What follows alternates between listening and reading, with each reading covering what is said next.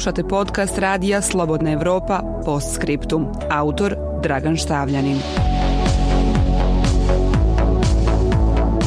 U istorijski gledano, zarazne bolesti su pobile više ljudi nego svi ratovi i sve gladi. Ovako beogradski epidemiolog Zoran Radovanović opisuje za radio Slobodna Evropa razloge za čovekov iskonski strah od zaraza povodom epidemije koronavirusa. Mnogo više žrtava je palo od virusa, bakterija i drugih mikroorganizama i parazita nego od svih drugih eh, mogućih zala koje su se nadvijale nad čovečanstvom. Bojazan od apokaliptičnog kraja sveta izazvan zaraznim bolestima mnogo je veća nego od novog Armagedona kao posljedica nuklearnog rata ili naših pojedinačnih strahova od smrti. Virusi su najveća pojedinačna pretnja, kaže dr. Radovanović. Jedan čuveni Nobelovac je rekao da je virus najveća pojedinačna pretnja opstanku čoveka na zemlji. Mnogo veća od e, udara komete, od nuklearnog rata, od erupcije nekog vulkana. Zarazne bolesti su kroz istoriju ne samo masovno sejale smrt, već i u velikoj meri uticale na civilizacijske tokove i ljudski identitet. Tako je Justinijanova kuga u šestom veku sprečila ovog vizantijskog imperatora u nameri da prisajedini ostatke nekadašnjeg zapadnog rimskog carstva koje se raspalo 476. godine. Hroničari beleže da je apokaliptična atmosfera koju su pratile zarazne bolesti olakšala širenje hrišćanstva, jer su im obični ljudi u strahu i nemoći da sagledaju nevolju koja ih je zadesila, pripisivali božanski znak. Carstva su se uzdizale i nestajala pod naletom kuga i sličnih bolesti. Vođeni su ratovi ili obustavljani zbog bolesti, kao što je stogodišnji između Francuske i Engleske u srednjem veku i utvrđivane granice nakon pandemija – o nastojanjima ljudske vrste da se odupre ne samo smrti, već i ide i o njoj, pisao i Albert Camus u čuvenom romanu Kuka.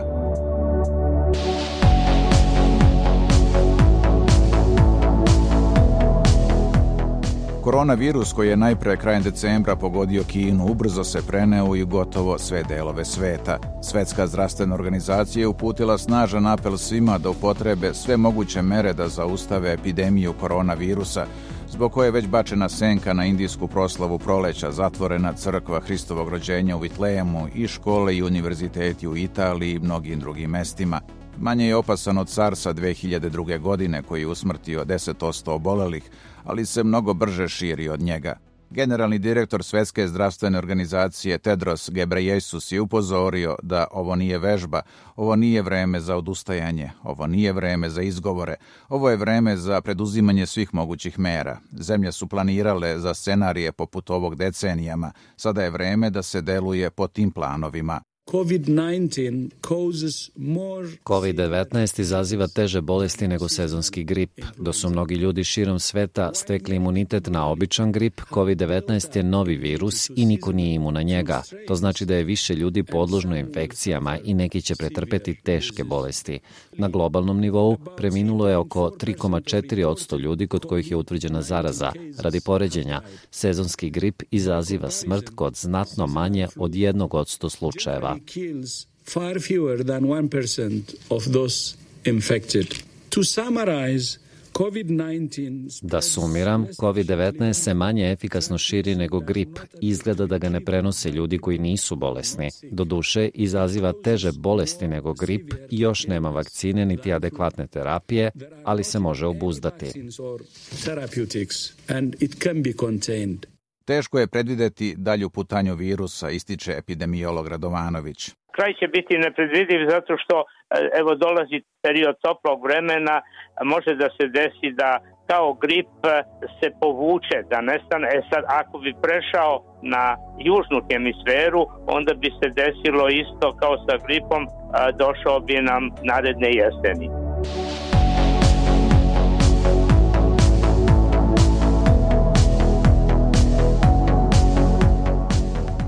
Kina je najteže pogođena. Ren Hongbin, čelnik državne administrativne komisije. Sudeći prema podacima koja su poslala preduzeća, epidemija je dostigla vrhunac u vreme kineske lunarne godine. To nije imalo preveliki ekonomski uticaj u januaru, ali se znatno odrazilo u februaru.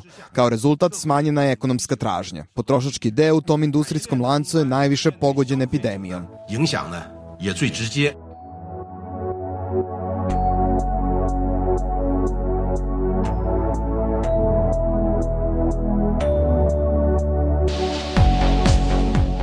Dok se broj inficiranih u Kini smanjuje, raste u ostatku sveta. Broj preminulih u Iranu od korone virusa je među najvećima u svetu. Zatvorene su škole i univerziteti. Iranci su pozvani da smanje upotrebu papirnog novca i zamoljeni da dopuste da im zaposleni na benzinskim pumpama sipaju gorivo i da to ne čine sami.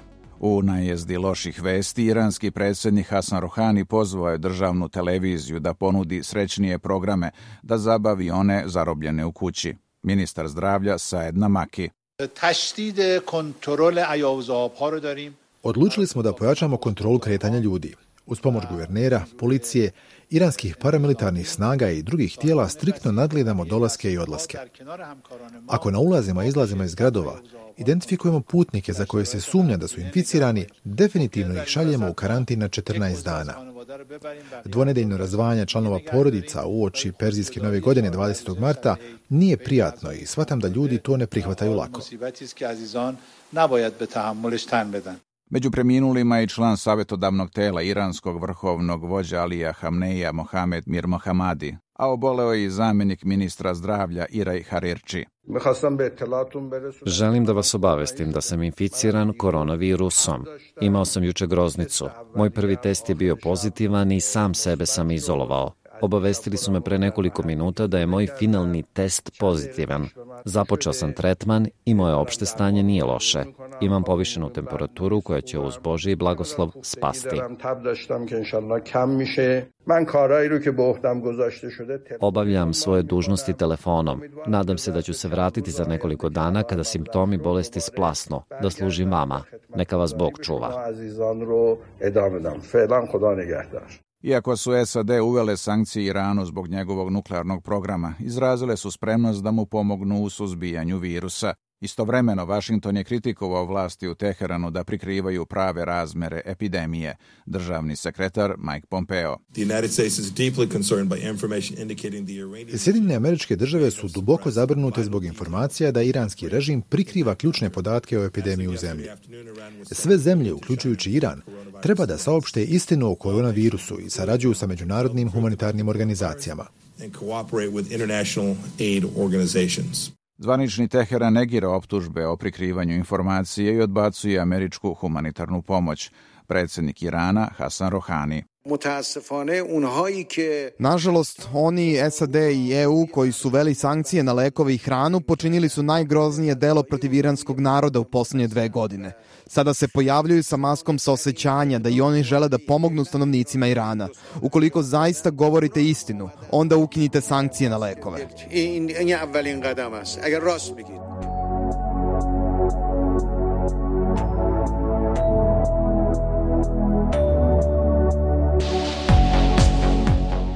U Italiji, epicentru epidemije u Evropi, zaposleni su u gumenim rukavicama okačili znakove zatvoreno na kapijama škola.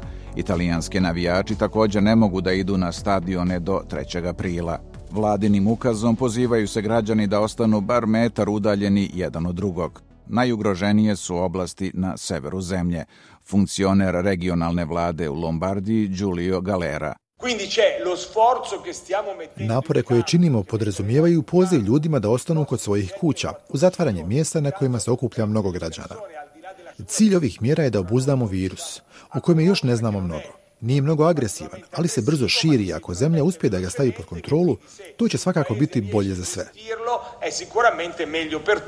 Virus se proširio i na druge članice Evropske unije, ali u njoj ne razmišljaju o ograničavanju kretanja. Francuski ministar zdravlja Olivier Veran tokom posete Rimu. Želimo jasno da kažemo da nema potrebe da se zatvara granica između naših država. To bi bila neproporcionalna i neefikasna mera. Ono što nas štiti to je solidarnost, transparentnost i osjećaj odgovornosti. Takav duh preovladava sada u Italiji i u skladu sa njim ćemo nastaviti razmenu informacija u narednim danima, sedmicama i mesecima.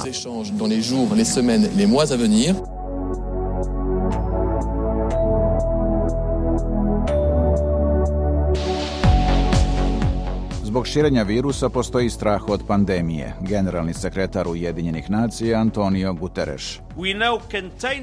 Znamo da je moguće obuzdavanje, ali se sužava vremenski okvir za iskorištavanje takve mogućnosti.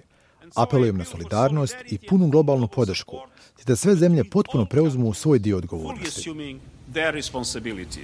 Postavlja se pitanje kapaciteta za reagovanje, pre svega u siromašnim zemljama generalni direktor Svetske zdravstvene organizacije Tedros Gebreyesus.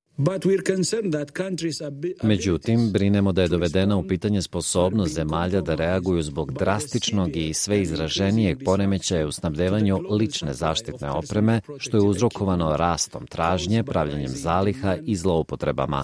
Ove nestašice ostavljaju doktore, medicinske sestre i druge zdravstvene radnike na prvoj liniji borbe opasno loše opremljenim da se brinu za pacijente koji su zaraženi COVID-19 for COVID-19 patients. Iako se virus širi, Mike Ryan, jedan od čelnika Svetske zdravstvene organizacije, smatra da dosadašnje informacije ne sugerišu da je prerastao u pandemiju.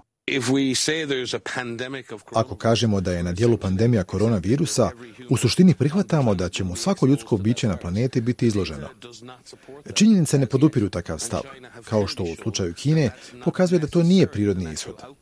Ako djelujemo, ako učinimo ono što je nužno, onda to ne mora da bude istorija ovog događaja. Ima razloga i za optimizam, ali i brigu, smatra epidemiolog Zoran Radovanović. Sretna je okolnost što se ipak e, taj virus prenosi nešto teže, bar evo iskustvo pokazuje, nego grip. Grip kad krene, mnogo brže zahvati celu hemisferu, celu severnu polulopnu zemlje. A ovome evo treba više.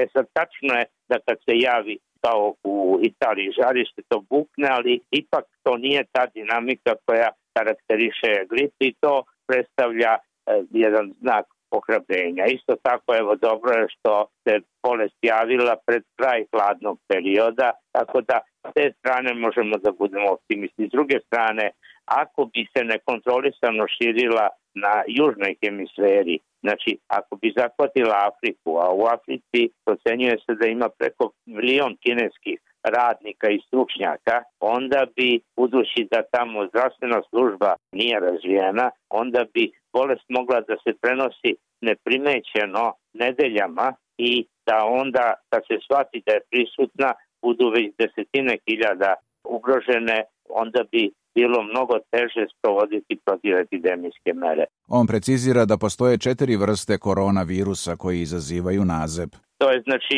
najlakša zarazna bolest, nema temperature, curi nos, ušobolja laka. Dva od njih samo dovode do takve kliničke slike, druga dva ponekad mogu da se spuste na niže disajne puteve i da naprave upalu pluća. Pored njih u ovom veku javila su se još tri koronavirusa. Jedan je SARS, on je nestao. Javio se 2002. od 2004. ga nema. Smrtnost je bila oko 10%. 2012. javio se MERS, bliskoistočni respiratorni sindrom. Njega još uvek ima ponegde i tu je smrtnost znatno više, oko 35-37 čak posto. Ovaj e, sad novi virus na velikoj seriji u Kini smrtnost je bila oko 2,3%, pominje se i više, ali verovatno će biti jedan ili ispod jedan, a kako će se kretati, evo može, dakle, kao SARS da nestane, a može kao MERS da se povremeno održava. Sva tri potiču od slepih miševa. SARS je i nestao zato što je u pitanju kao prenosilac sa lepih miševa na ljude, bila jedna divlja životinja, malo veća od mačke Tibeta. Ovaj drugi mers održava se zato što je posrednik Kamila. Kamila je bliže ljudskim naseljima, praktično domaća životinja u pojedinim delovima sveta. E sad, za ovu novu bolest mi ne znamo koja će od životinja koja je u blizini čoveka i da li će neka biti pogodna za održavanje i prenošenje virusa. Kao posrednik pominjana je zmija, ali od toga mnogo zavisi budućnost ove nove bolesti.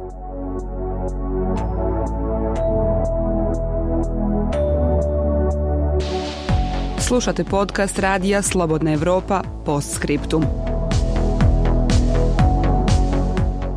Koronavirus je uzdrmala svetsku ekonomiju, pre svega turizam, aviosaobraćaj, poremećen je lanac snabdevanja za industrijsku proizvodnju, u prvom redu zbog situacije u Kini koja se smatra svetskom fabrikom.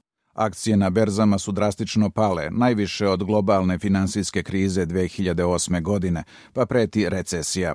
Međunarodna asocijacija za vazdušni saobraćaj saopštila je da bi epidemija mogla da košta aviokompanije ove godine čak 113 milijardi dolara.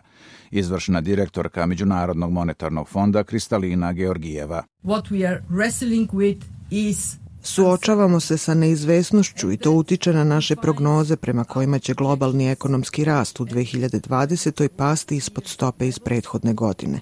Međutim, za koliko će pasti i koliko će dugo trajati uticaj veoma je teško predvideti. U međuvremenu zbog straha od širenja korone virusa ugroženo je održavanje olimpijskih igara na leto u Japanu o mogućnosti premeštanja olimpijade u neku drugu zemlju, port parol Međunarodnog olimpijskog komiteta Mark Adams. Negde drugde. Ne mislim da je to moguće. Mi se ne brinemo, ne razmišljamo o tome i planiramo održavanje igara 24. jula.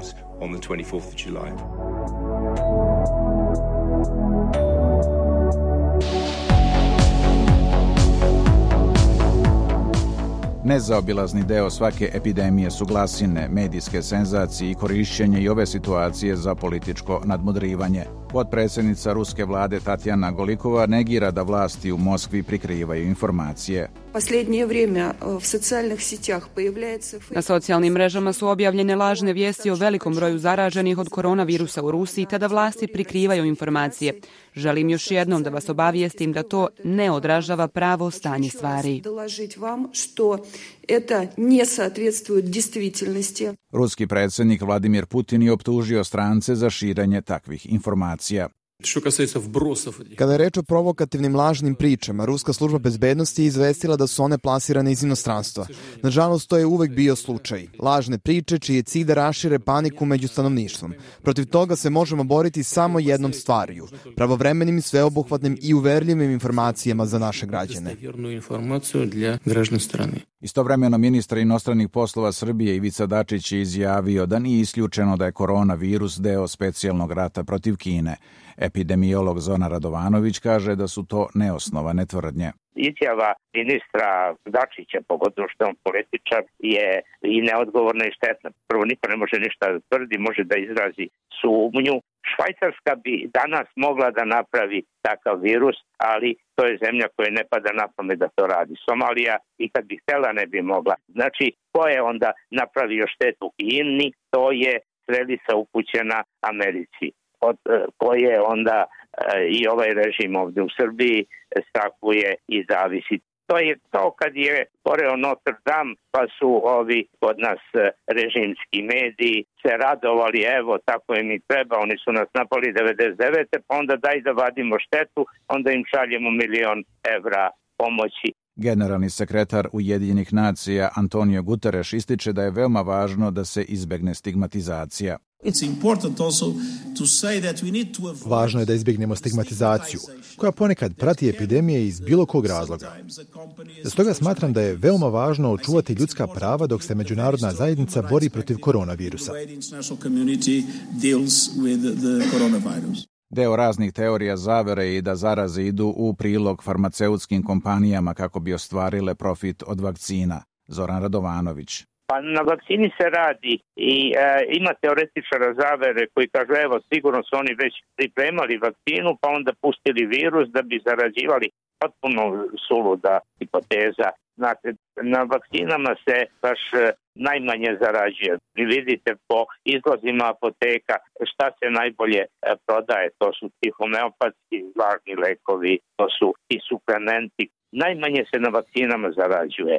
Radilo se 2002. i 2003. na vakcini protiv SARS-a pa je bolest nestala. Znači, u vakcinu uložite mnogo para i onda može da se desi da je nepotrebno. I u ovom trenutku radi se na vakcinama i nije realno da pre leta 2001. godine vakcina bude u potrebi. On smatra da onaj ko napravi virus nikada ne zna kako može da mu se vrati. Koji bi bio interes eh, bilo Amerikanaca, bilo Rusa da to urade, a iako postoji interes, da li bi bilo pametno imajući u vidu da vi kad dovodite do pandemije, vi nikad ne znate kad će i u kojoj formi da vam se vrati, da li će umeđu vremenu taj virus da se prozli U međuvremenu preporučuju se različite mere zaštite od infekcije, tako su pojedini potrošači vodke koju pravi kompanija Tito iz Teksasa preporučili upotrebu ovog napitka za čišćenje ruku umjesto raznih medicinskih rastvora. Ova kompanija je ubrzo reagovala, precizirajući da napitak koji proizvodi sadrži 40% alkohola, a da prema preporuci zdravstvenih institucija sredstvo za dezinfekciju ruku treba da ima najmanje 60% alkohola da bi bilo delotvorno i pojedini političari ne odustaju od svog karakterističnog stila ni kada je reč o koroni virusu. Predsjednik SAD-a Donald Trump, koga su kritikovali da nije u početku blagovremeno reagovao na pojavu prvih slučajeva zaraze u zemlji. Nisam dodirnuo svoje lice nekoliko sedmica. To mi nedostaje.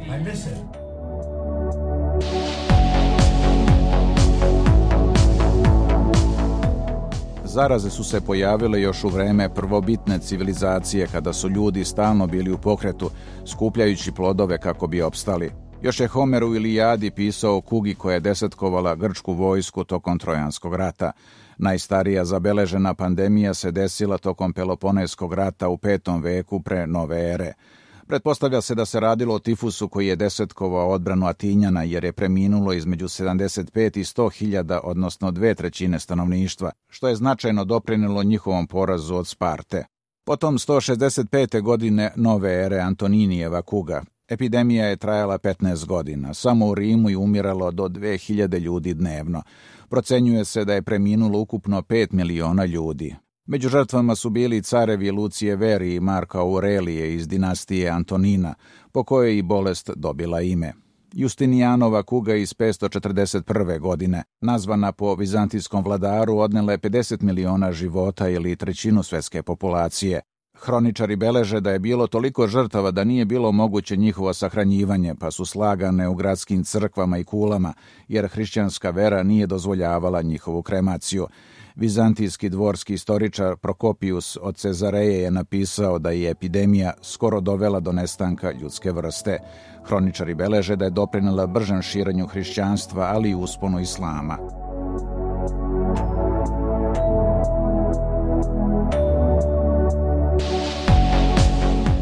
Osam vekova kasnije, tačnije 1347. godine, izbija još jedna kuga, nazvana Crna smrt. Ona je odgovorna za smrt 50 miliona ljudi ili trećine svetske populacije. Crna smrt je na početku bila deo biološkog rata, kaže epidemiolog Zoran Radovanović.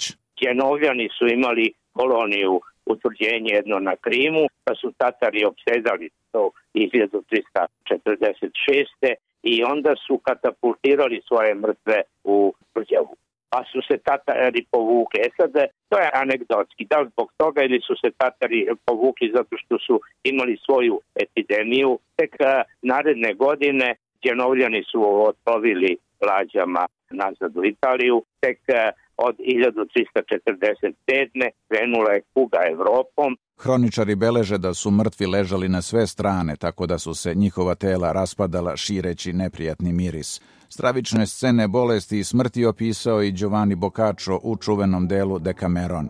Engleska i Francuska su bile desetkovane kugom pa su sklopile primirje u stogodišnjem ratu.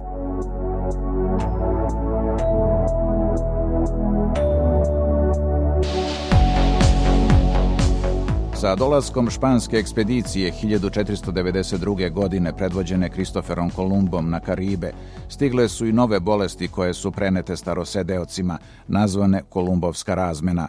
U naredna dva veka oko 90%, tačnije 54 od 60 miliona je preminulo, uglavnom od zaraza, zatim istrebljenja.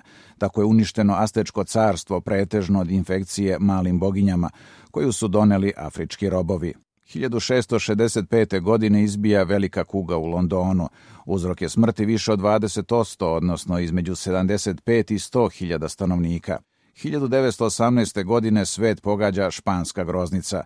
Izbila je pri kraju Prvog svjetskog rata i od nje je preminulo oko 50 miliona građana, prema nekim izvorima čak i 100 miliona dok je pola milijarde ili skoro trećina svetske populacije bila zaražena.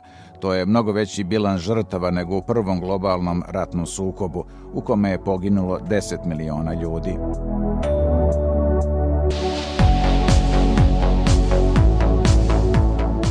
Ipak po rečima doktora Zorana Radovanovića, najviše ljudi je preminulo od velikih boginja. Samo za u prošlom veku umrlo je 500 miliona ljudi u recimo 18. veku pet prestola je upražnjeno, znači pet e, careva i kraljeva je umrlo da ne govorimo o njihovim naslednicima. To je bio austrijski imperator Jozef I, pa španski kralj Luis I, ruski car Petar II, švedska kraljica Ulrika Leonora, francuski kralj Louis XIV. Od side koja se pojavila 1981. do danas je preminulo 35 miliona ljudi. 2002. godine izbio je SARS, najpre u Kini, od njega je inficirano oko 8000 ljudi, od toga je 774 preminulo, odnosno oko 10%. 2009. je usledio svinski grip. Oko 575.000 ljudi je preminulo, odnosno 1% od ukupno zaraženih. Savremeni svet ima mnogo razvijeniju zdravstvenu zaštitu nego ranije. Međutim, tehnološki napredak omogućuje mnogo međuzavisniji svet u kome se virusi brže šire nego u prošlosti.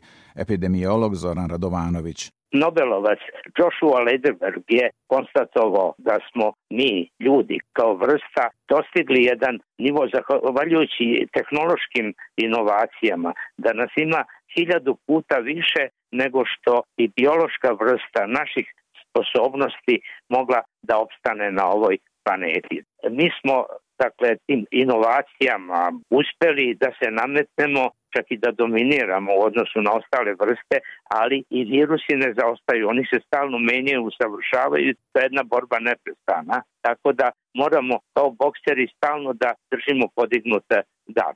Po njegovim rečima, čovek je ekspanzivna biološka vrsta. Jedna agresivna biološka vrsta.